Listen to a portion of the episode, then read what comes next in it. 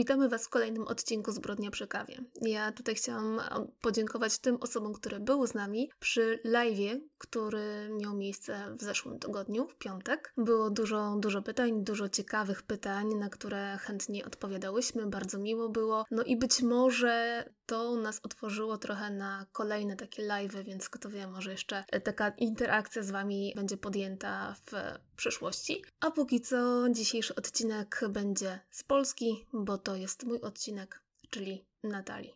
Przeniesiemy się do roku 2008, do okolic Częstochowy, to jest dokładnie do małej miejscowości Blachownia. Tam w tym 2008 roku Dawid jest uczniem trzeciej klasy maturalnej o profilu biologiczno-chemiczno-fizycznym prywatnego Częstochowskiego Liceum. Znalazłam nawet informację, że czesne miesięczne wynosiło tam 370 zł.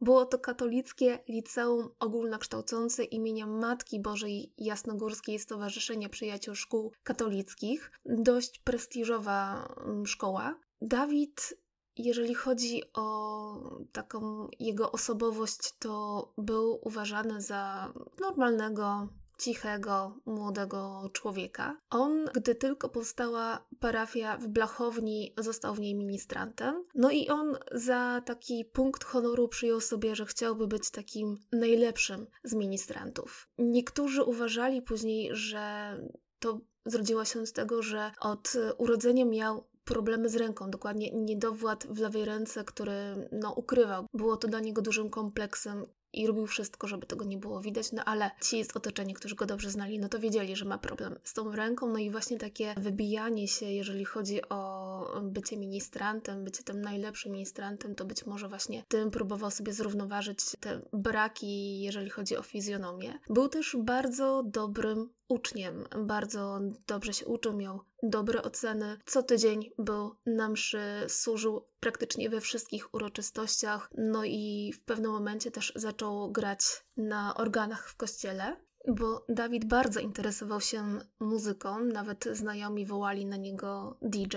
Znajomym w szkole opowiadał też, że szykuje się do studiów w seminarium duchownym. Ksiądz, a później proboszcz Wojciech był dla niego wzorem. I to był właśnie proboszcz, który prowadził e, parafię, w której oczywiście Dawid był ministrantem. Tutaj nie trudno się domyślić. W pewnym momencie z ministranta stał się również kościelnym lektorem. Najczęściej był widziany właśnie podczas tej mszy w parafii Najświętszego Zbawiciela w Blachowni i Błaszczykach. Tak jak mówi jedna z mieszkanek Blachowni, która bardzo dobrze znała Dawida, mówi, że nigdy nie mogła powiedzieć o nim nic złego, że zawsze był właśnie spokojny, ułożony, miał też właśnie bardzo, bardzo dobre relacje z księdzem Wojciechem i dużo osób właśnie zwróciło na to uwagę, że między nimi była jakby, może nie chemia, bo to zabrzmi bardzo, bardzo źle w dzisiejszych czasach zwłaszcza, ale była taka przyjaźń. Oni wydawać by się mogło, że rozumieli się bez słów i bardzo często, czy podczas mszy, czy po mszy, byli widywani razem. On, można powiedzieć, że cieszył się nawet takimi szczególnymi względami u proboszcza,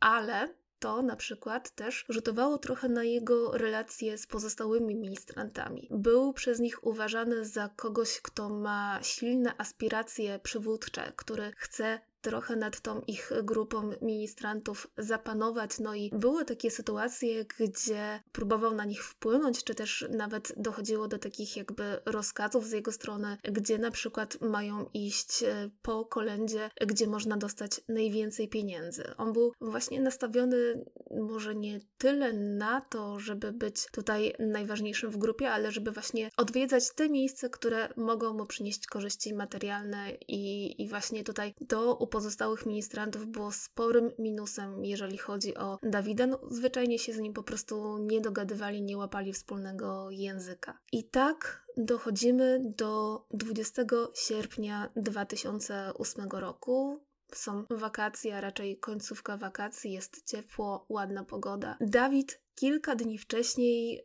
był w Częstochowie na dość specyficznych, nietuzinkowych zakupach, jeżeli tak to możemy określić, bo postanowił zakupić duży myśliwski nóż, no i kominiarkę. Możemy się zastanawiać, po co mu te dziwne przyrządy, o co chodzi. Właśnie, dochodzimy do tego wieczoru 20 sierpnia. To jest już po wieczornej mszy.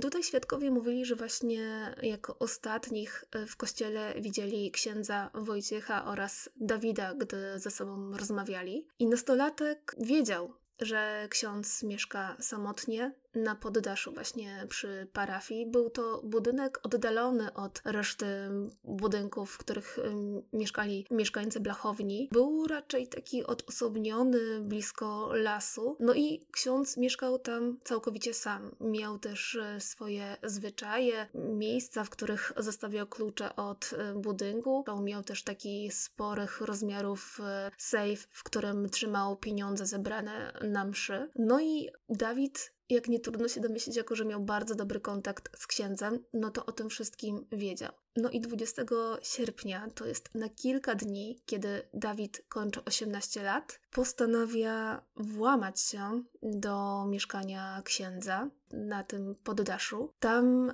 czekając na księdza, zakłada czarną e, kominiarkę, w jednej ręce trzyma, niektórzy mówią, że taką końcówkę drewnianą od flag, które są zawieszone w kościele, inni, że po prostu drewniany kij. W każdym razie takie no, sporych rozmiarów narzędzie, którym naprawdę można zrobić krzywdę. A w drugiej ręce trzyma ten myśliwski nóż, który zakupił w Częstochowie. Gdy ksiądz wchodzi do mieszkania, to nastolatek zaczyna go okładać tym drewnianym kijem. Tutaj na początku chodziło o to, żeby księdza zaskoczyć, żeby go unieruchomić i ogłuszyć, a następnie przetrząsnąć mieszkanie właśnie w poszukiwaniu y, pieniędzy, bo Dawid bardzo dobrze wiedział, że w tym y, okresie może być tych pieniędzy naprawdę sporo, z tego względu, że jakiś czas wcześniej przeszła przez te rejony dosyć spora nawałnica, no i na mszy były zbierane pieniądze pieniądze właśnie dla ofiar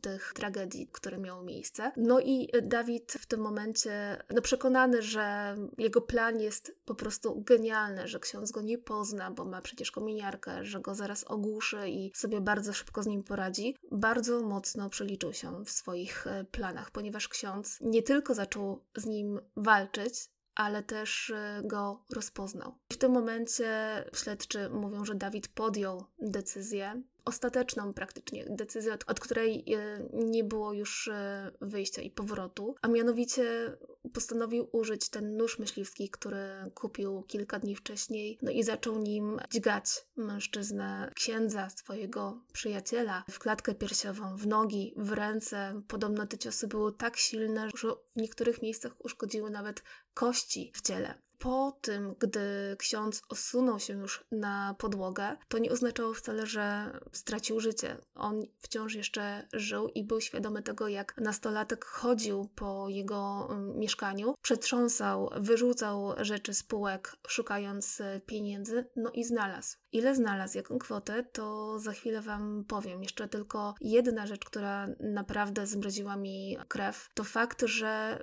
Dawid wychodząc i pewnie będąc świadomym tego, że ksiądz wciąż jeszcze żyje, podejrzewam, że wydawał być może jakieś dźwięki, czy ruszał się, bo też później został znaleziony w nieco innym miejscu niż były plamy krwi na podłodze, no to Dawid jeszcze w przypływie, nie wiem, szału, agresji, adrenaliny, która na pewno w nim e, wciąż buzowała, wychodząc zamknął drzwi na klucz tym samym uniemożliwiając księdzu wyjście w ogóle z tego mieszkania, czy wyczołganie się, czy uratowanie w ten sposób swojego życia.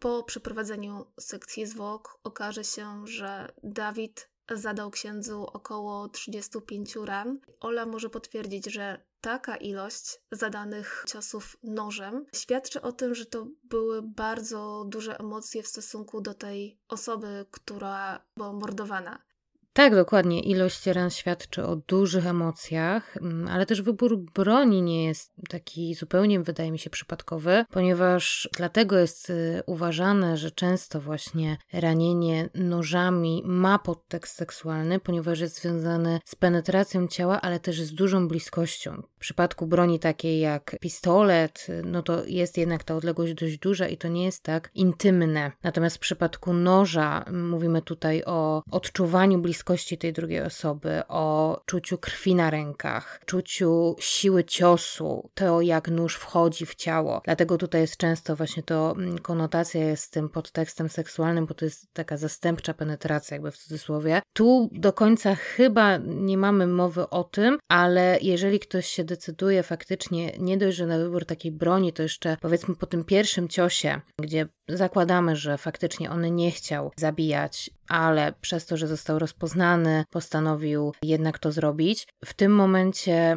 po tym pierwszym ciosie, po którym mógł się opanować, okazuje się, że pojawiła się jakaś bardzo, bardzo duża emocjonalna reakcja. Czy to była wściekłość, czy to była jakaś rozpacz, że musi to zrobić.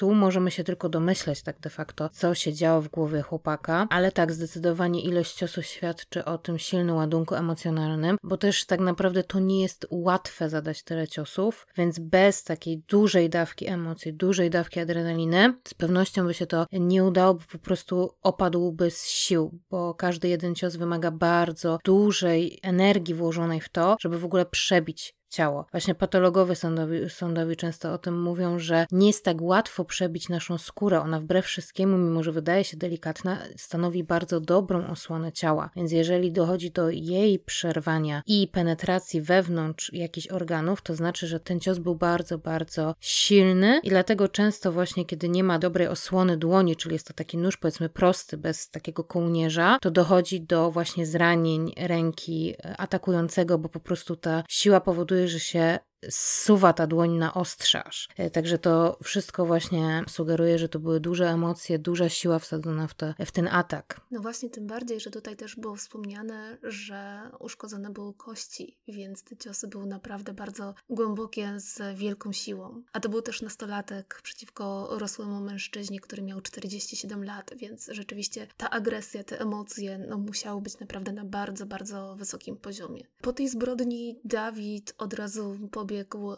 w stronę lasu, tam też gdzieś niedaleko stawu, wyrzucił narzędzie zbrodni, wyrzucił po drodze też swoje zakrwawione rzeczy, no i udał się do domu, co jest ciekawe i chyba też bardzo, bardzo szokujące, mm, zwłaszcza dla rodziny, to fakt, że gdy wrócił do domu, to nikt po nim nie poznał, że cokolwiek się wydarzyło. Był raczej spokojny, właśnie taki opanowany. Jeszcze chyba następnego dnia nawet miał jechać e, ze swoją mamą na zakupy, bo za kilka dni miał się rozpocząć rok szkolny, więc e, mama chciała mu kupić nowy garnitur. I on na te zakupy z tą mamą swoją pojechał i tam też no, nie pokazywał żadnych emocji, żeby cokolwiek tak tragicznego, tak, tak drastycznego się e, wydarzyło jakieś kilkadziesiąt godzin wcześniej. Następnego dnia po morderstwie, które, tak jak wspomniałam, miało miejsce w nocy z 20 na 21 sierpnia, no to tego 21 sierpnia na plebanii pojawiła się gosposia księdza. No i gdy księdza nie było, a o tej godzinie już dawno krzątał się w pobliżu parafii, no to stwierdziła, że coś złego musiało się stać. Oczywiście ostatnia myśl to było morderstwo. Raczej myślała, że może dostał jakiegoś wylewu, coś się stało, bo ksiądz zmagał się z bardzo wysokim ciśnieniem, no i brał też na to przepisane lekarstwa, więc od razu poszła do niego do góry na poddasze, no i gdy tylko zobaczyła tą całą scenerię, czyli porozrzucane rzeczy, no i takie spore kałuże krwi, e, było ich podobno kilka, a w trzeciej, tej ostatniej, leżał właśnie ksiądz, no to przerażona e, z krzykiem wybiegła, e, żeby od razu zawiadomić kogoś, co, że coś takiego potwornego się wydarzyło. No i też pierwsza taka myśl już jak ochłonęła trochę z tych emocji, to to, że ksiądz e, właśnie jeszcze żył, próbował się jakoś uwolnić z tego mieszkania, ale jako, że został zakluczony od zewnątrz, no to nie było takiej szansy. Podejrzewam, że być może, nie wiem, Dawid mógł gdzieś wyrzucić telefon, jeżeli, jeżeli był w tym mieszkaniu y, i stąd ksiądz nie miał możliwości, żeby do kogoś zadzwonić, więc może kierował się do drzwi wyjściowych. Nie wiem, to są tylko moje takie spekulacje, bo na ten temat niestety żadnych informacji w źródłach nie znalazłam. Po tej zbrodni mieszkańcy od początku byli przekonani, że zabójstwa musiał dokonać ktoś, kto był miejscowy, kogo ksiądz dobrze znał, a to dlatego, że nie było żadnych śladów włamań. No i też nie było widać, żeby ktoś właśnie i włamał się e, do parafii i później na poddasze do mieszkania. Raczej wszystko wskazywało na to, że do siebie wpuścił ksiądz kogoś dobrowolnie. I tutaj e, zaczęły się oczywiście rozpytywania przez e, policję świadków, którzy byli na tej ostatniej wieczornej mszy poprzedniego dnia. No i tak rozmawiając z kolejną i z kolejną i z kolejną osobą, dowiadują się, że ksiądz ostatni raz widziany było podczas rozmowy właśnie z Dawidem. No i jak nie trudno się domyślić, to Dawid stał się tą osobą główną podejrzaną. Tutaj a propos daty zbrodni, czyli ten 20-21 sierpnia, no to też nie jest data przypadkowa. Tak jak e, już wiadomo, no Dawid do tej zbrodni się bardzo dobrze przygotował, ponieważ on od jakiegoś czasu obserwował księdza, poznawał jego nawyki, kiedy idzie spać, kiedy idzie do swojego mieszkania po mszy, czy coś jeszcze robi, czy wychodzi z tego mieszkania na jakiś na przykład spacer, czy zakupy, czy cokolwiek. Sprawdzał też, gdzie ksiądz chowa klucze, klucze od sejfu, czy klucze właśnie od mieszkania. No i te klucze od mieszkania, jak się okazało później ksiądz Wojciech miał taki nawyk, żeby chować do kieszeni swojej kurtki. No i stamtąd też właśnie Dawid po mszy niepostrzeżenie wyciągnął te klucze. No i tak się też dostał do mieszkania księdza. A jeżeli chodzi o tą o samą datę, to tak jak wspomniałam, ona nie była przypadkowa, ponieważ to było na kilka dni przed jego 18 urodzinami. Chłopak e, stwierdził, że w ten sposób bardzo łatwo zdobędzie pieniądze mm, na nowe ciuchy, na imprezę. Nawet podobno coś tam kupił jakimś koleżankom, więc trochę sobie poszalał można brzydko powiedzieć, a, a jeszcze nie powiedziałam, że ukradł z mieszkania dokładnie 600 zł, więc trochę tych pieniędzy rzeczywiście do wykorzystania miał.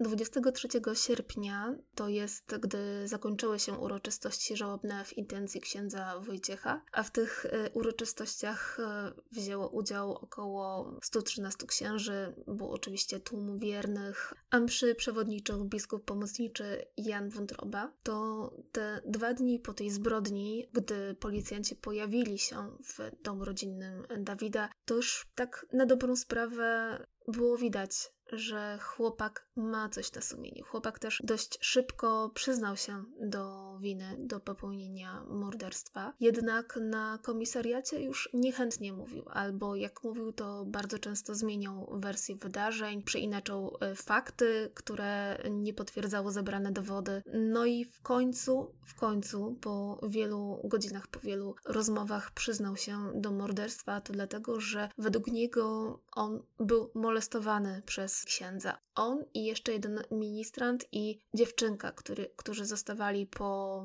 wieczornych mszach. Było to o tyle niespodziewane, że no nikt z mieszkańców nie powiedziałby na księdza Wojciecha złego słowa, wręcz przeciwnie, każdy mówił, że no była to osoba, która ożywiła tą parafię, to, była, to był ciepły i miły człowiek. Miał bardzo dobry kontakt z ministrantami, nie tylko, ale też z mieszkańcami Blachowni, więc y, jakby tutaj też nikt nie zauważył jakichś takich dziwnych, niepokojących sygnałów, że, że coś złego by się działo z y, jakimkolwiek dzieckiem na parafii. I też oczywiście policja no, musiała podjąć ten wątek, bo tak jak wielokrotnie z Olą mówimy, to, to policja no, jakby musi, jest lekko mówiąc zmuszona do tego, żeby podejmować różne wątki, żeby sprawdzać różne tory śledztw, śledztwa. Każda jakaś informacja no, musi zostać prze, przez nich y, potwierdzona, czy tak rzeczywiście się wydarzyło, czy, czy nie, żeby móc dalej po kolei wykluczać te, te, te wątki, które się nie zgadzają. No i tutaj właśnie też było tak, że oczywiście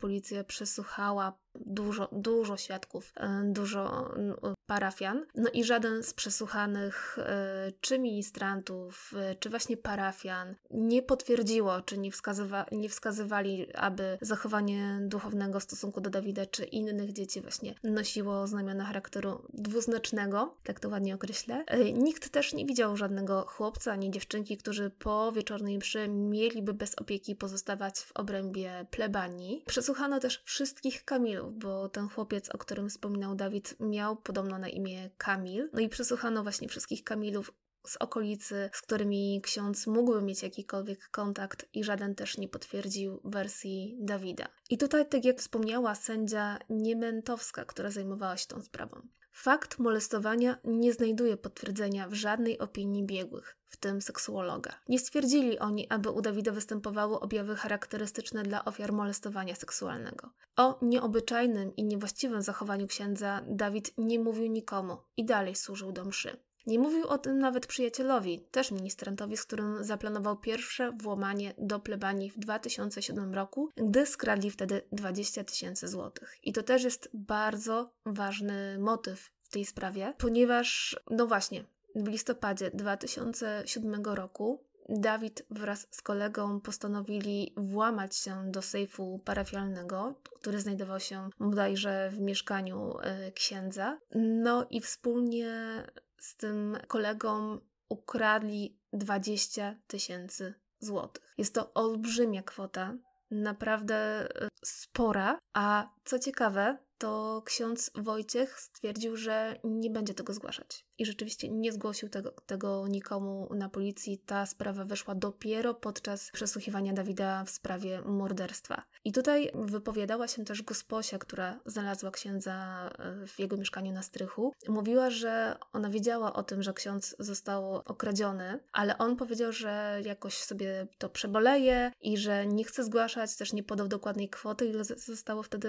skradzione z tego sejfu, ale też y, gdzieś tam mm, znalazłam informację, że on podejrzewał, że to może być Dawid, dlatego że z Dawidem bardzo dużo wtedy przebywał. Y, Dawid też był pewnie przy tym sejfie, widział jak się go obsługuje, wiedział, gdzie ksiądz chowa klucze do sejfu, więc wszystko wskazywało na to, że no, tym, który zabrał tą sporą kwotę pieniędzy, to właśnie był Dawid.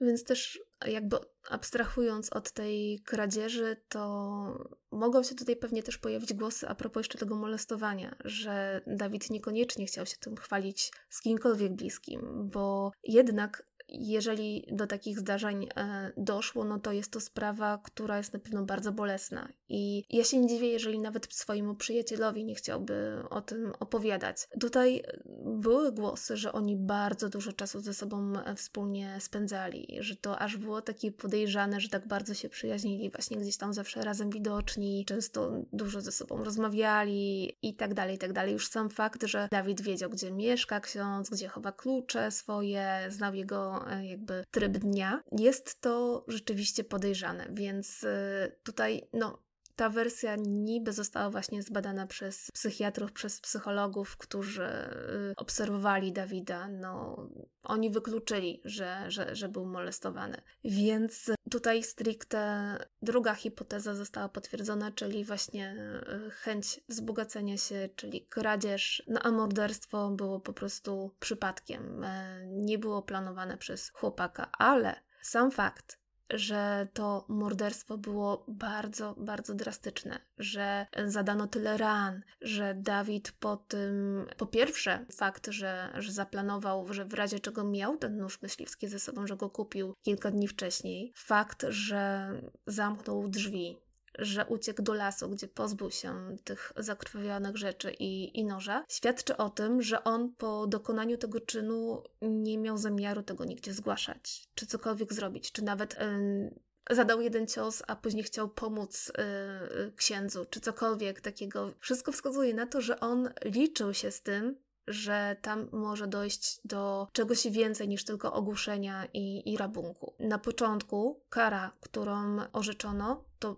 15 lat pozbawienia wolności. Jednak od tej kary odwołali się zarówno prokurator, jak i obrońca Dawida. I gdy doszło do kolejnej, drugiej rozprawy, to kara została podniesiona do 25 lat pozbawienia wolności. Tutaj e, była taka wizja, że Dawid zasłużył na całkowite ograniczenie wolności, czyli dożywocie, ale przez to właśnie, że w trakcie popełnienia tego morderstwa no nie miał skończonych 18 lat, był traktowany jako młodociany, to orzeczono 20 lat pozbawienia wolności z możliwością zwolnienia go po 10 latach za dobre sprawowanie. Jeżeli chodzi o to, jak mieszkańcy zareagowali na to, co się wydarzyło, no to jak nie trudno się domyślić, to wszyscy byli w szoku. I właśnie tutaj pojawiają się nagle dwa obrazy Dawida. Ten obraz sprzed morderstwa i obraz po. Sprzed Dawid był spokojny, cichy, był dobrym uczniem, był uczynny, super ministrant, który brał czynny udział rzeczywiście w życiu e, parafii, mm, dobry chłopak, rodzice nie mieli z nim żadnego problemu, a nagle po tym morderstwie możemy usłyszeć, że no rzeczywiście miał takie dziwne spojrzenie, że rzeczywiście coś z nim było nie tak. I tutaj wypowiedzi tych mieszkańców, no są bardzo różne. Dużo osób też mówi o tym, że on nie miał jakiejś trudnej sytuacji w domu, więc e, jakby taka stricte chęć wzbogacenia się, no to jest po prostu chciwość, zwykła chciwość i łatwy zarobek tak dużej e, kwoty. On jeszcze się spodziewał pewnie, że ta kwota no, będzie zdecydowanie większa niż te 600 zł, bo tak jak wspomniałam, przez te wichury, które wcześniej nawiedziły te okolice, to były zbierane pieniądze na rzecz ofiar tych wichur, więc podejrzewam, podejrzewał pewnie, że, że, tej, że ta kwota może nawet te 20 tysięcy, które rok temu skradł, y, przekroczy. Tutaj się nieco przeliczył, ale myślę, że 600 zł no to też jest spora suma pieniędzy. Jest ciekawe to, że ksiądz Wojciech jakby trochę przeczuwał tą swoją śmierć. Nie wiem, na ile to można tak mówić, że, że przeczuwał, że coś się takiego wydarzy, ale to jest ciekawe, że na kilka tygodni przed swoją śmiercią, dokładnie 31 lipca, napisał swój testament. Na ścianie plebanii, w której zginął, jest wmurowana tablica poświęcona kapłanowi, co też świadczy, jakby nie patrzeć, o tej miłości y, parafian, mieszkańców Blachowni do, do tego księdza. No i teraz też w wywiadach znalazłam informację, że ludzie się boją. Boją tego dnia, kiedy Dawid wyjdzie na wolność, bo on może wyjść za dobre spróbowanie o wiele wcześniej niż e, te 25 lat. Więc ludzie już zaczynają o tym myśleć, co się wydarzy, gdy, gdy wyjdzie na wolność, że na pewno może to powtórzyć. Bo wiadomo, w też takich małych, hermetycznych dosyć miejscowościach, no jednak ludzie są dość blisko, na pewno bliżej niż w dużych miastach. I może ten strach, takie plotki i tak dalej, to jest takie nakręcanie się trochę. Też wiadomo, że no jednak ta zbrodnia była bardzo, bardzo drastyczna. To, to też mm, jakby ja ten strach strach może też rozumiem. Zresztą niejednokrotnie podkreślałam, że odebranie człowiekowi życia to jest takie przekroczenie tej granicy bezpowrotnie to już nie jest ten sam człowiek. To zmienia absolutnie każdego, myślę, że, że bez wyjątku. Więc jeszcze w tak młodym wieku, bo on nie miał 18 lat skończonych, no, nastolatek, coś, e, coś potwornego. I nic dziwnego, że też od tej zbrodni, no, w tym 2008 roku było naprawdę głośno. Mi gdzieś ta sprawa umknęła, ale teraz, jakby przekopując się przez nią i oglądając te zdjęcia, te, te nagrania, gdy Dawid idzie podczas mszy świętej tuż obok księdza, no jest takie dziwne uczucie w środku, w żołądku, że to był jego taki przyjaciel, powiernik. Być może ksiądz był jedyną osobą, która potrafiła zrozumieć Dawida. No i tutaj chęć wzbogacenia się jakby to wszystko przyćmiła. Dla mnie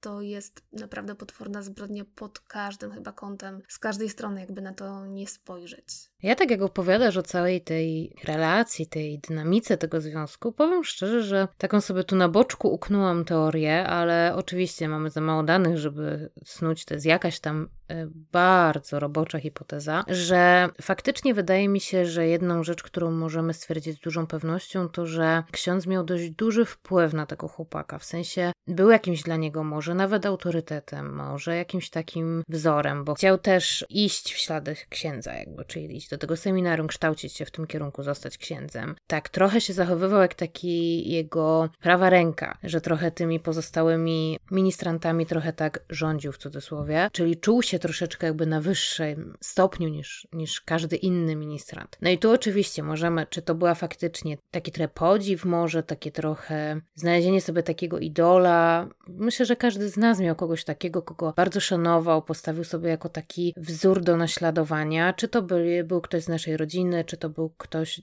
inny dorosły, którego spotkaliśmy na swojej drodze. Po poznaniu kogoś stwierdziliśmy, kurczę, też bym taki chciał być, kiedy dorosnę na przykład, albo też mogę coś takiego robić jak ta osoba. I tu taka dynamika wydaje się, że zaszła. Oczywiście, jeżeli chcemy szukać tego brudu jakiegoś i, i, trochę potwierdzenia tej teorii na temat tego molestowania, to to wcale nie jest takie mocno wykluczone, dlatego że możliwe, że to nie było takie molestowanie, jak e, myślimy, czyli że dochodziło do wymuszania pewnych czynności. Możliwe, że przez to, że oni byli tak blisko, dochodziło do jakiegoś dotykania, przytulania, może byli nawet w jakiejś relacji, tego nie wiemy. Ale biorąc pod uwagę, że ksiądz był dużo starszym mężczyzną od chłopaka, chłopak w którymś momencie mógł się czuć zmanipulowany, trochę wkręcony w tą sytuację, nie do końca czując się z nią ok.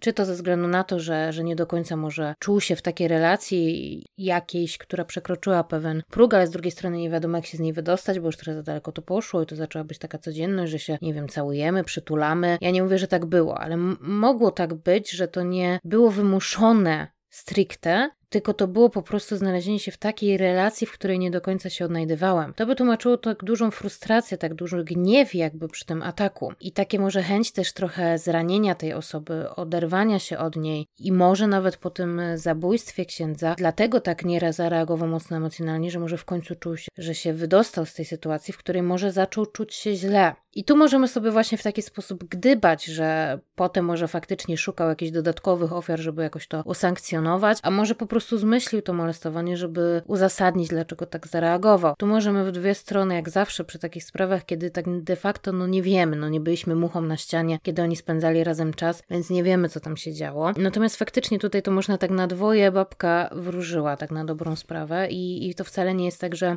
nie było w tej intrydze całej jakiegoś tam ziarna prawdy, mimo że nie wyszło, że, że tutaj on ma jakieś takie ślady na psychice, tak to brzydko nazwijmy, jak osoba, która przeszła właśnie jakieś takie nadużycia seksualne, bo to zostawia zawsze ślad, czy gwałt, czy molestowanie, czy jakiekolwiek nadużycia seksualne, one sprawiają, że osoba ma jakiś taki ślad, rys na psychice. Tu mogło do tego nie dojść, ponieważ to nie było wymuszone jakby, o to mi chodzi. Oczywiście tu możemy znowu gdybać, czy to nie było manipulowanie, grooming, o którym wam kiedyś opowiadałam, i tak dalej, i tak dalej. No tu po raz kolejny można powiedzieć, że to była bardzo młoda osoba, więc mimo, że on to zaplanował i mimo, że mógł wziąć pod uwagę, że dojdzie do tego, że będą się szarpać, że będzie musiał zastraszyć go tym nożem, może nawet ugodzić tym nożem, a może nawet zabić, to nie do końca mógł sobie zdawać sprawę, jakie będą dalsze konsekwencje tego, jak to wpłynie na całego życie, bo tak jak mówiliśmy, nasz mózg rozwija się do gdzieś około 25 roku życia, jeśli chodzi o postrzeganie takich długofalowych konsekwencji. Przyczynowo-skutkowo my potrafimy to sobie wyobrazić wyobrazić już w wieku tam kilku lat. Natomiast tak faktycznie długofalowe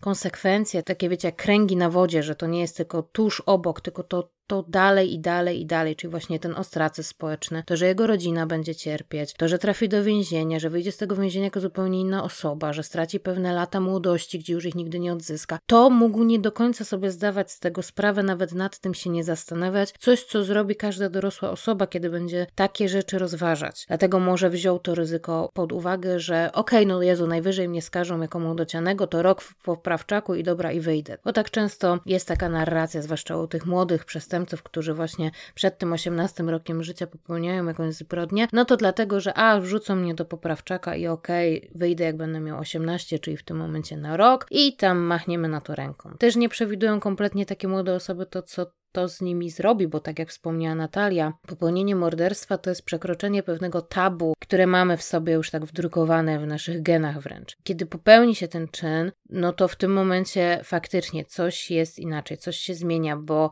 w naszych rękach było czyjeś życie i je złamaliśmy. Także tutaj faktycznie, nie wiedząc, co tam do końca pomiędzy nimi było, to możemy trochę gdybać, co tam się zadziało, ale faktycznie tak naprawdę duża tragedia, dlatego że bardzo młody człowiek właściwie całe życie sobie pokiereszował, bo to jest zawsze jakaś tam tragedia i dla tej rodziny, która na pewno się tego nie spodziewała, pokładała w nim jakieś tam nadzieje na przyszłość, skoro dobrze sobie radził, chodził do prestiżowej szkoły, więc myślę, że też odpowiedni poziom edukacji, który miał mu dać dobry start na jakąś uczelnię i, i, i dalszy jakiś rozwój. Wydawało się, że idzie w dobrą stronę, na zasadzie, że udziela się w tym kościele, działa na rzecz innych osób. To też wydaje się, że w tym momencie, kurczę, zrobiliśmy dobrą robotę, skoro nasz syn angażuje się w taki sposób, tak? A tu nagle coś takiego, także myślę, że też tragedia dla tej rodziny, dla całej tej społeczności, no i oczywiście dla, dla tego księdza i dla tej, myślę, rodziny tego księdza, bo na pewno jakąś tam rodzinę też miał, dla jego bliskich też. Także nie wiedząc, co tam się wydarzyło, trudno jest tutaj jednoznacznie wszystkich